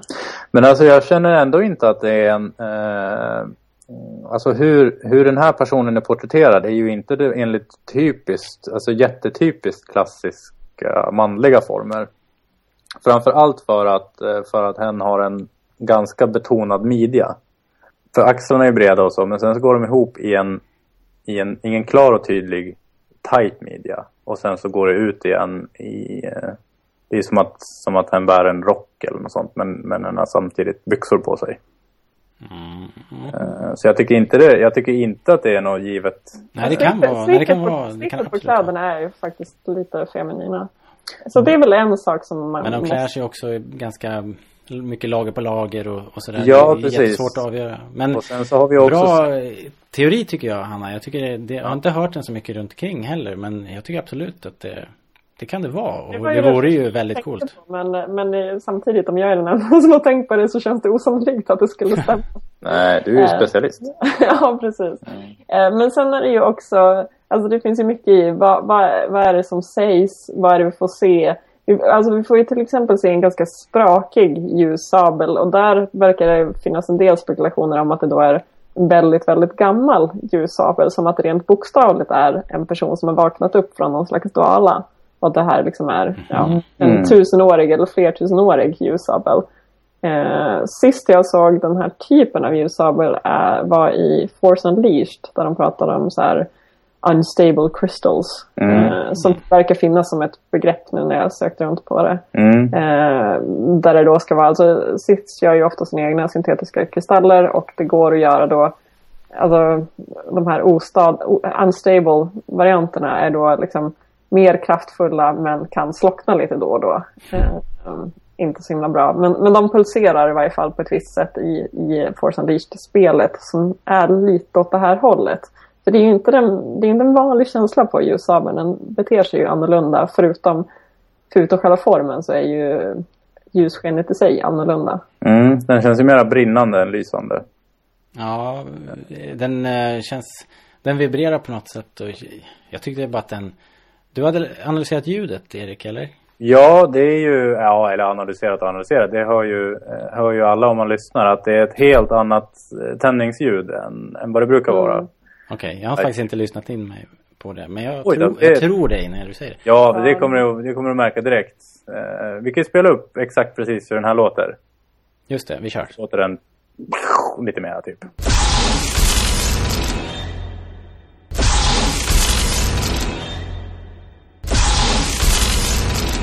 Som ni hör så är det lite rappare och elakare ljud än, än det här jämna ljudet som är, är, det vi är van vid. Det är inte det hummandet. Min, min bror som satt bredvid mig när, när vi kollade på den här första gången. Han bara så här, oj! Vad tycker du om det där då? och eh, jag var ju i chock så jag kunde inte svara. Men det som jag kände var direkt att den känns ju fullständigt livsfarlig. Ja. För alla. För alla inblandade liksom. Ja. Och, och samtidigt med det där, i och med att den var så här bara, helt... eh, Och, och det var, vi satt och, och, och skojade om det efteråt, liksom att den, den, den här personen som går genom skogen och tänder den här fantastiska sabeln. Vi, man känner ju att den är en genomond person. Liksom. Han Ja. känns ju fullständigt livsfarlig. Och då Ja. har han ändå inte gjort någonting annat än än att tänt ljussabeln och den går liksom på tomgång bara. Tänk, Ja. när, den, tänk, tänk när den börjar dra igång den där. Ja. Det är som en Eh, motorsåg på tomgång. Ja, jag håller med. Det kändes ju, det jag kände var väl kanske att det kändes lite så här löjligt och betonat när först så tänder han liksom själva klingan Mm. och sen tänder han parerstångarna. Och då var man så här, okej. Ja, det kanske var övertydligt där. Ja, men alltså i det stora hela och sen, jag hade inte alls tänkt på det du sa Hanna, att, att tänk om det här är liksom ur sabeln. Mm. ifrån en tid som är, eh, alltså för att om vi går tillbaka till The Old Republic som är något av det äldsta i Star Wars-kronologin som vi kan komma. Där hade de ju fortfarande helt vanliga lightsabers. De har ju sett likadana ut sen, sen urminnes tider. Och när vi då pratar om att det är någonting som har, de, eh, som har awakat Mm. eh, så kan det ju vara någonting, någon, någon som har hittat någonting riktigt, riktigt ancient. Eller att den här personen är den. Som har med sig sitt, alltså för att stilen på allting i Star Wars, den är ju relativt hyfsat modern. Men det här svärdet, det är ju av en mera medeltida stil. Eh, För den ser ju mycket mera likt ut ett bredsvärd än, alltså liksom ett tvåhandssvärd än, vad, än vad den ser ut som en fäktningssabel eller ett, ett Ja, eller elegant svärd. katana. Jag, jag tänker alltid på ett mer, ja- ett, de andra ljus, vanliga ljussablar tänker jag mer som, en, som ett japanskt eh, svärd. Ja, typ. Katana. Och det här och, och det här ett känns ju mer som tvåhandssvärd. klassiskt brittiskt kung Mm. Arthur. liksom. Exakt. Och det är ju liksom korsformat så som, Mm. så som man har sett tidigare. Eh, Så jag tycker det känns jättehäftigt om det skulle vara det. Att så här, ja det var så här lightsabers såg ut innan, eh, innan man kunde liksom fintrimma bladet så att det blev snällt och tjusigt. Och man fick det här snygga ljudet som säkert är patenterat av någon lightsaber-tillverkare. Eh, Men sen är det, om det skulle vara så att det är liksom eh, faktiskt fysiska karaktärer som vaknar till liv så skulle jag gissa på att de inte kommer använda sig någon av de kända, alltså utdöda, eller döda Sith Nej, det tror inte jag heller. personerna. Utan jag tror att, alltså det, jag tror inte liksom Darth Bane eller vad de heter. utan att det liksom, det är inte Plagueist eller någon sån där utan det här är någonting helt nytt tror jag. Och skulle det då, alltså det du är inne på Erik, att det är något verkligen super ancient, så då, då är det ju liksom prehistoric. Mm. Det vore ju coolt att koppla ihop eh, det som nu händer i senast. Det här blir ju senast i, i kronologin. Mm. Med någonting som skulle vara från, från långt, långt, långt innan. Som har varit, eh, som har eh, lay dormant. Kommer du ihåg i somras var det väl att det snurrade runt en titel som hette The Ancient Fear? Mhm.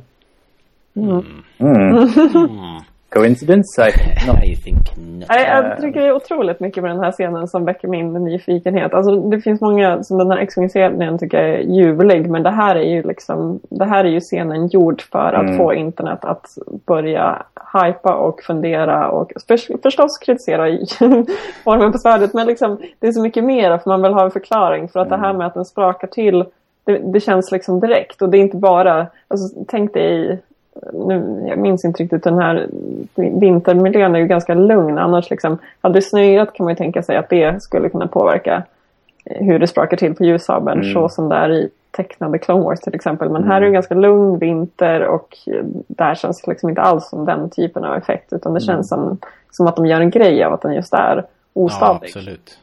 Någonting som jag... sitt eget liv. Liksom. Ja, jag reagerade ju väldigt mycket på det här andra tändningsljudet och för en kort stund så tänkte jag att herregud, ska de, ska de liksom ändra på, ändra på ljudet av hur en lightsaber låter?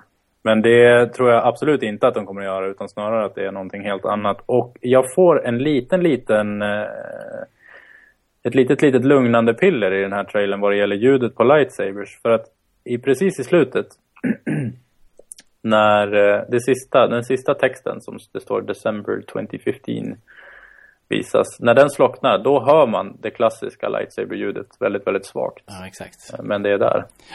Så Det är det, så, det, så det här är ny, ny gammal teknik. Vi, vi får väl se vad det, vad det är. Jag skulle bara se om den här skogen också. Att hela miljön där den, den här personen traskar fram är ju väldigt spooky också. Ja. Någonting som jag tänkte på med den här, hur den här karaktären presenteras. Alltså dels, eh, den är ju som, som ni säger att man får känslan av att det här är någon som är genom ond eller i alla fall genom mörk. Mm. Ehm, men i den här scenen så känns det ju som att, som att den här personen tar en defensiv. Ja, Ja, den uppfattar ett hot här ju. Ja, exakt. för att det är, det är att hen går omkring och sen så känner den någonting. Mm. Stannar och tänder svärdet. Och precis då nämns att det även är någonting, the light, som, som vaknar till liv. Mm. Eh, Så jag, jag uppfattar det som att det är liksom eh, motpolen som kommer mot, Mm. mot personen. Det, det här är så coolt, mina hårstrån reser på sig. ja. ja. och Det är bara ett år kvar. ja. Ja, hörni. Vi Om måste ni- jo, men vänta, en ta oss vidare här. Ja. Om man känner att eh, om man känner den här eh, lightsabern, den eh, blev just hårt attackerad på internet. Och det kom många bilder där den typ så här, den fäller ut eh, bladet, sen fäller den ut parerstångarna och sen så fäller den ut en flasköppnare och en såg som en, en schweizisk, schweizisk armé lightsaber. Men försök inte tänka på det för mycket, utan googla istället på The Force Awakens fan art. För det har också kommit en massa, massa snygga bilder på eh, lite andra vinklar på den här, hur den används och lite så här fangjorda posters och sånt där som är riktigt, riktigt snygga. Och jag var också lite skeptisk till den, men efter att jag hade sett dem så fick jag en helt annan känsla för hur den här kan se ut och fungera. Bland annat så är den här, den här eh, övertäckta personen står med det här svärdet rakt upp som, som liksom en riddare står i någon sorts paradställning eller något sånt. Och det ser, det ser riktigt, riktigt coolt ut. Ja. Så googla på det om ni känner er lite skeptiska. Häftigt. Se om det hjälper. hur som helst, hur, hur man än väljer att se på det, så själva bilden som presenterades med den här personen tar sin stans där och fäller ut, eh, startar vapnet. Det är, ah, det är så fruktansvärt mäktig bild. Ascoolt. Och det är här, här tar voice-over-dialogen slut. Eh, Det är den sista den säger. Mm. Jag tycker den är lite konstig när man, när man, när man lyssnar på det utan, eh, om man lyssnar på hur betoningen ligger om man lyssnar på det ihopdraget, alltså utan det långa mellanrum, mellanrummet som är mellan vad han säger. Han säger alltså, there has been an awakening. Have you felt it? The dark side and the light. Mm. Och det låter som att när han säger the light, som att det ska komma någonting mer. Jag uppfattar det som att there, has Mitt been meningen. an awakening, the dark side and the light. Alltså på båda sidor av kraften har blivit en awakening. Eh, däremot hörde jag fel första gången. Jag Vad hörde att the dark side have the light. Och då tänkte Ooh, jag, vad, oj. vad, vad är det som händer? Det är inte konstigt att du var chockad och Ja, kanske. jag, jag, jag var helt... Eh, Dark side. ja, de har tagit våran mojo. Ja, sen kommer Star Wars-musiken. Ja, Som vi känner igen lite grann. Visst är den lite, lite tweakad? det här är ny musik har de sagt. Ja, precis. Så det är eh, så som, som det ryktades. eh, John Williams har, har komponerat helt ny musik. Just det. Så det här är en del av det nya scoret som vi hör. Just det. Och sen så får vi se en... Eh, eh, om du mådde lite illa av eh, eh, någon form av yrsel så kan det ju vara för hur kameran går i den här scenen när man får följa Falken. Ja, det är inte dålig fart på det här. Nej, hur kände ni när ni såg det här? Falken Eh. dyker ju upp här, stiger rakt upp i skyn och så Ja, alltså jag kände ju, när man fick se Falken flyga ö, från nederkanten till övre delen av skärmen så tänkte jag att eh, jag hade rätt i vad jag eh, gissade på att vi skulle få se i den här trailern. Vad hade du sagt då? Men ja, typ att man kommer att få se Falken flyga över, över skärmen på det viset. Ja, okej. Jag var Men var det ändå inte lite mer extremt än vad vi hade förväntat oss? Det, det här är ju nians manöver liksom. Ja, det, det är det. Men den är ju, själva manövern är ju inte så spektakulär. Det är ju mera kamera, eh, kameraåkningen som är spektakulär. Eh, för det finns, eh, man kan leta, vi kommer att kunna länka till den. Jag ska se, vänta. Är det någon som har gjort ett diagram över hur den Nej, den finns eh, stabiliserad. Aha, okej. Vi kommer att länka till den. Det finns en stabiliserad variant av, eh, av den här scenen. Eh, Det är ganska enkelt att göra det. Då man bara negerar hur kameran åker. Mm. Och, eh, och, och ser filmen. Och då får man se... Men jag kan, medan du letar där, Mm. så kan jag bara berätta att när jag såg det här först så eh, jag trodde jag att jag skulle få hjärtstillestånd för det var så coolt. För med liksom, eh, den får så här kondensstrimmer liksom. Men när den vänder och dyker ner igen, eh, då börjar jag få lite så här bara, åh nej. Eh, då vart det tv-spel lite för CGI för mig och de gick over the top liksom med det här att han nästan kraschar Falken liksom. Det var så långt ner mot marken så att den kickar upp sand. Ja, Det, det vart för mycket för mig faktiskt. alltså. Ja, jag känner snarare så här att det är så här jag tänker att Han Solo liksom flög, eh, flög Falken i Episod 4, 5, 6, eller innan Episod 4. Det är, liksom, det, det är den här manövern han ska klara av. Och han liksom pratar om sitt skepp så himla snabbt och sådär. Och så får man se Falken i originaltrilogin och så känns det lite så här trött och segt. Men egentligen var det det här det var. Det var bara att vi inte fick se det då för att tekniken inte riktigt fanns. Mm. Eh, så, så att jag känner mer snarare att så här, nu fall, föll pusselbitarna på plats. Ja. Eh, Men att, sen- att här har han någonting att skryta om. Ja. Sen är ju, ja, som sagt, nu har vi hittat den här eh, stabiliserade versionen. Jag skickade det i Jag såg att det kom en länk här. Ehm, och där ser man att manövern är inte så överdrivet spektakulär. Han flyger ju väldigt nära marken naturligtvis, men det är inte alls så som de snurrar på kameran. Nej, det är klart det, det kanske är överdrivet. Men, men det var det. I, in the moment, när jag såg det för första gången så vart Mm. jag, då, då liksom eh, eh, fick jag lite... Ja, det var inte klockrent Ja, för mig. Men, som plåster på såren, så kommer det ju... De, de räddar ju det direkt. Det kommer två TIE fighters. Ja, liksom. och skjuter och missar. Pew, pew, pew. Och det är eh, old school TIE fighters. Yes. Så Som vitt vi skulle kan vara se. kanske, vad skulle de vara? 40-50 år gamla vid det här laget. Mm. Mm. För att det vi har fått se innan, eh, den första scenen så får vi se en ny karaktär i ny rustning. Sen så får vi se en ny droid, sen så får vi se nya stormtroopers med nya vapen. Sen så får vi se en ny karaktär på ett nytt fordon och eh, ytterligare en ny karaktär i en ny X-vinge med ny hjälm och allt sånt där. Sen så får vi se eh, en ny lightsaber. Och sen så kommer musiken som är en variant av den gamla musiken med det här gamla skeppet som möter gamla TIE Fighters. Mm. Eh, Så att det avslutet är liksom det gamla. Ja, verkligen. Verkligen. Eh, Och jag tycker att det känns, jag tycker att det känns lite så här. Det, det, känns, det känns för målgruppsfokuserat och det känns uppenbart att, att det är gamla tjurskallar som tyckte att prequel-filmerna var dåliga som ska få sitt Star Wars nu. Jag håller med lite grann här, fast samtidigt tycker jag att av alla de här nya grejerna som rapplade upp tidigare så är allting kopplat till originaltrilogin. Mm. Alltså det, det är ju inte någonting som har med republiken att göra och det är inte massa, alltså 50 jedis eller motsvarande liksom, utan det är ju verkligen de gamla filmerna som triggas hela tiden. Mm. Eh, visst, det, det är nytt formspråk, eller nya Jo. former, men det är samma formspråk. Precis, men här är det ex, de exakt samma grejer. Ja, fast, vi, fast vi, det kan ju vara så här att den, de här TIE fighterna som, som svischar förbi för fort för att se några detaljer, att de kanske ändå har fått sig lite upgrades. Precis. Bara till själva formen. Alltså, Vi kan ju pre- ja, men precis, lite grann så ser vi att det inte är så. ja, men precis som X-vingarna är ju till det yttre. Man bortser från vingarna då, så är de ju... Helt annorlunda ja. Nej. Jo, det är de. All, ja, men alltså, jag tycker ändå klippet går så fort så att det skulle kunna vara så att de här är... De kanske är sköldar nu för tiden.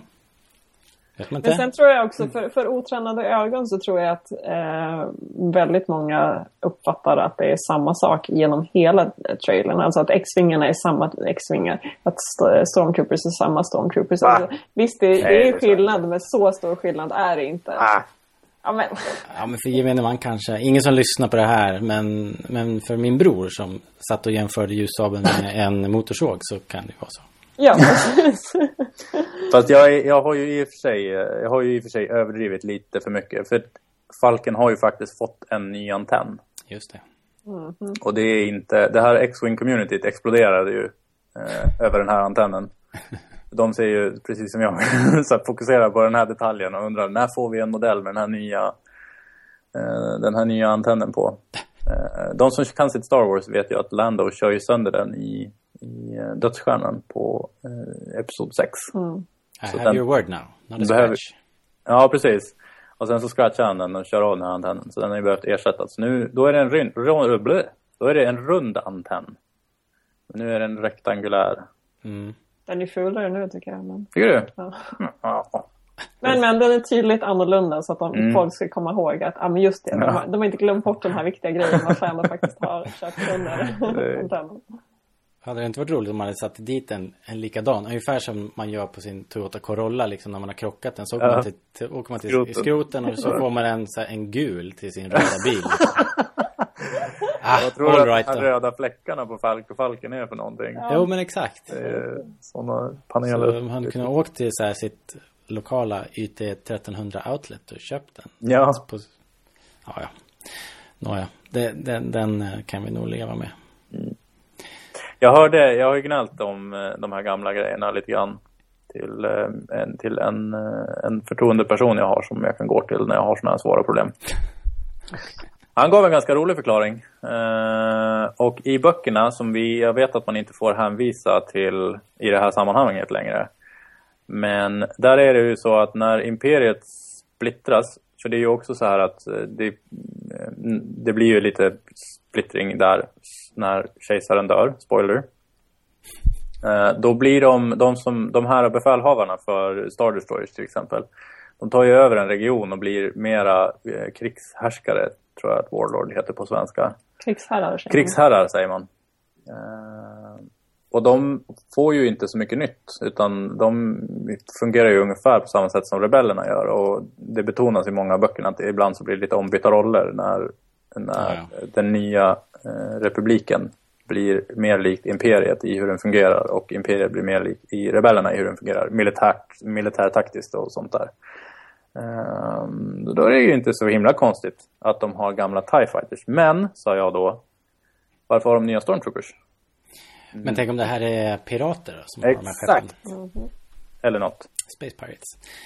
Eh, ja, det återstår att se. Hörni. Men Otroligt cool eh, scen i alla fall. Trots allt liksom. Och eh, sånt otroligt bra tempo och känsla i den här trailern. Oh, ja.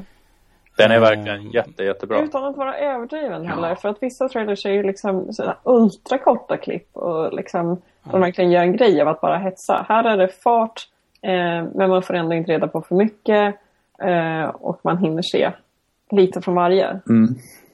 Jag tycker det är, det är perfekt tempo. Loggan dyker upp Eh, Ja. Den är sig lik sen, Ja. sen sist och vi är fortfarande inte helt nöjda med den va? Nej, men det är väl den här vi får då. Det kanske är så. Nu har den ju... Ja, den känns ju... Ja. Sådär. Disney-loggor har vi inte sett några under Nej. hela den här tiden heller.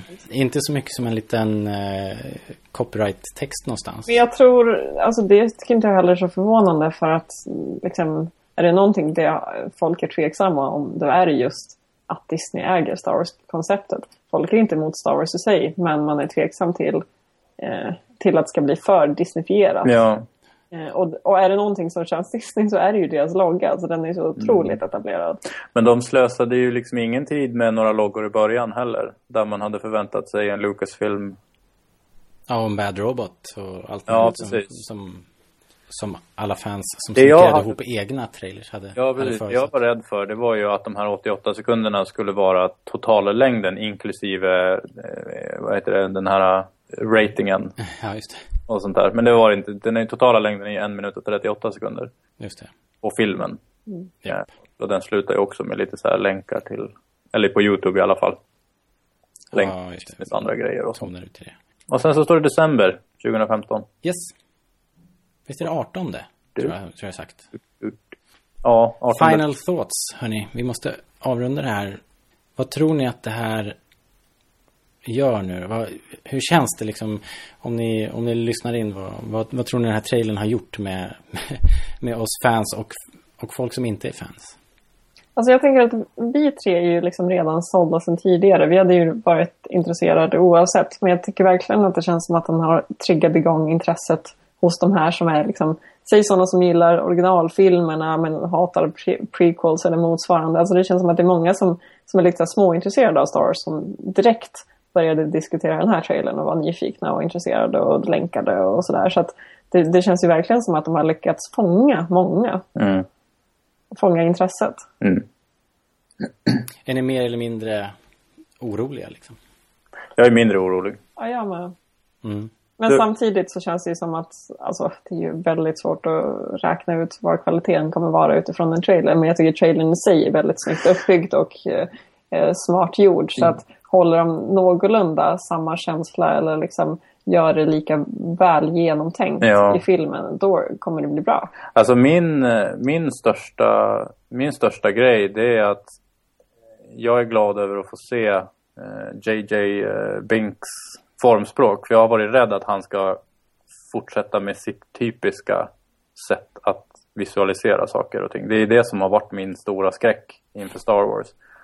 Att han kommer in och bara förstör allting som är mitt. Var det några lensflares överhuvudtaget i den här Ja, trailern? vi fick en lensflare eh, när Falken eh, Just det, tippar precis. över här på slutet. Så en, en liten. Men den är ju ganska behaglig. Ja, ja, helt på sin plats. Och Liksom. det är inte varje vit yta som skapar en lens flare. Nej, men jag tycker, för jag tycker generellt sett att, att tonen på hur de presenterar allting är exakt precis så som jag vill ha det. Det är lite lensflare i X-Wing-scenen också, ser jag. Faktiskt Mm. lite grann.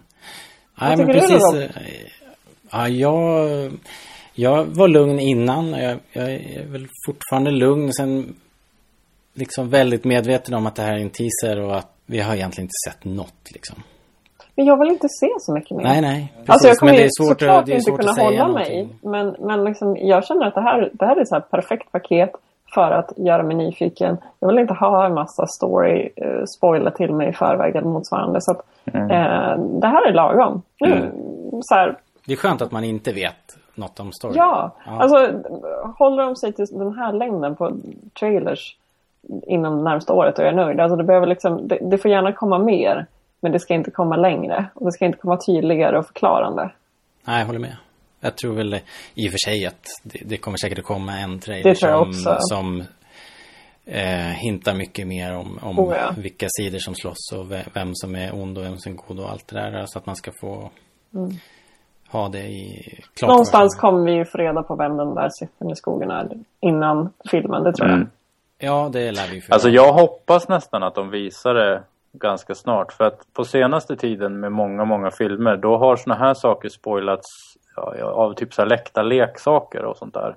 Lego-set som är på gång lyckas alltid komma ut. Jag fick se hur den nya, eh, nu blir det lite sidospår vad det gäller Star Wars, men jag fick se hur den nya skurkdinosaurien i kommande Jurassic Park, eller Jurassic World eller vad det nu heter. Eh, hur den ser ut i, i, i sin legoform. Jaha, okej. Och det, jag, jag, jag får ju hellre den formen då spoilad i en, i en trailer. Faktiskt. Än, för att man kan, jag kan inte kontrollera mig, eller jag kan liksom inte kontrollera flödet utan det skulle behövas en total isolering eh, i ett år. Ja, det går ju inte. Så då tar jag hellre, då tar jag hellre en, en, liksom en kontrollerad spoil ifrån en trailer än att den bara så här dyker upp ur sitt sammanhang någon annanstans. Ja, ja jag håller med faktiskt. Det är, ju, det, det är väl så man hoppas att, att det blir. Hörni, vi måste runda av. Ehm, Vänta, en sak till. eh, ja, snabbt då. Jaha. Någonting som jag, det som jag saknar nu efter att den här trailern har kommit, det är åsikterna från den här nya generationen Star Wars-fans som har levt sitt Star Wars i och med och tillsammans med prequel-filmerna och Clone Wars. Mm. Eh, Jag har ingen uppfattning om, om vad den sortens fans tycker om det här. Jag vet ju vad mina barn tyckte i alla fall. De tyckte att det här såg supercoolt ut. Och eh, de jublade ju som sagt för när den här lilla roboten rullade fram och de eh, tjoade ju när eh, X-vingarna och Falken gjorde sitt. Så att eh, de, de har de tyckte det här såg supercoolt ut. Det jag undrar över det, det är de som kanske är 22. Mm. Eh, för det finns ju ganska många som är ganska, eh, ganska, ganska inne i det där fortfarande. Och jag såg någon så här, eh, någon podcast med några som var lite så här, de satt liksom och rynkade på näsan lite grann åt de gamla filmerna. Mm. Och nu kommer ju de att bli de nya gnällspikarna liksom. Ja, precis. Annat var det på prequel-tiden. Ja, precis. Ja, det finns ju en hel generation här ute som inte, som inte har sett Star Wars överhuvudtaget. Ja. Så, så att vi får se. Det blir också spännande att se hur de reagerar på det här. Faktiskt. Det var allt jag hade. Ja, Tack för idag. fantastiskt vilken trailer! Ja, Ah, teaser. teaser-trailer. eh, hörni, tack för att ni lyssnar och, och eh, hör av er. Vill höra vad ni tycker om trailern och vad ni, hur ni reagerar på eh, nyheter och sådär. Den här ljussabeln till exempel. Eh, skriv på facebook.com slash rebellradion eller titta in på rebellradion.se eller skriv direkt till rebellion, rebellradion podcast at gmail.com så, så kan vi diskutera saken där. Och eh, vi ser väldigt mycket fram emot era analyser och kommentarer. Eh, så, tack ska ni ha för den här gången. Tack. Tack. Hej då. Hej då! Hej då.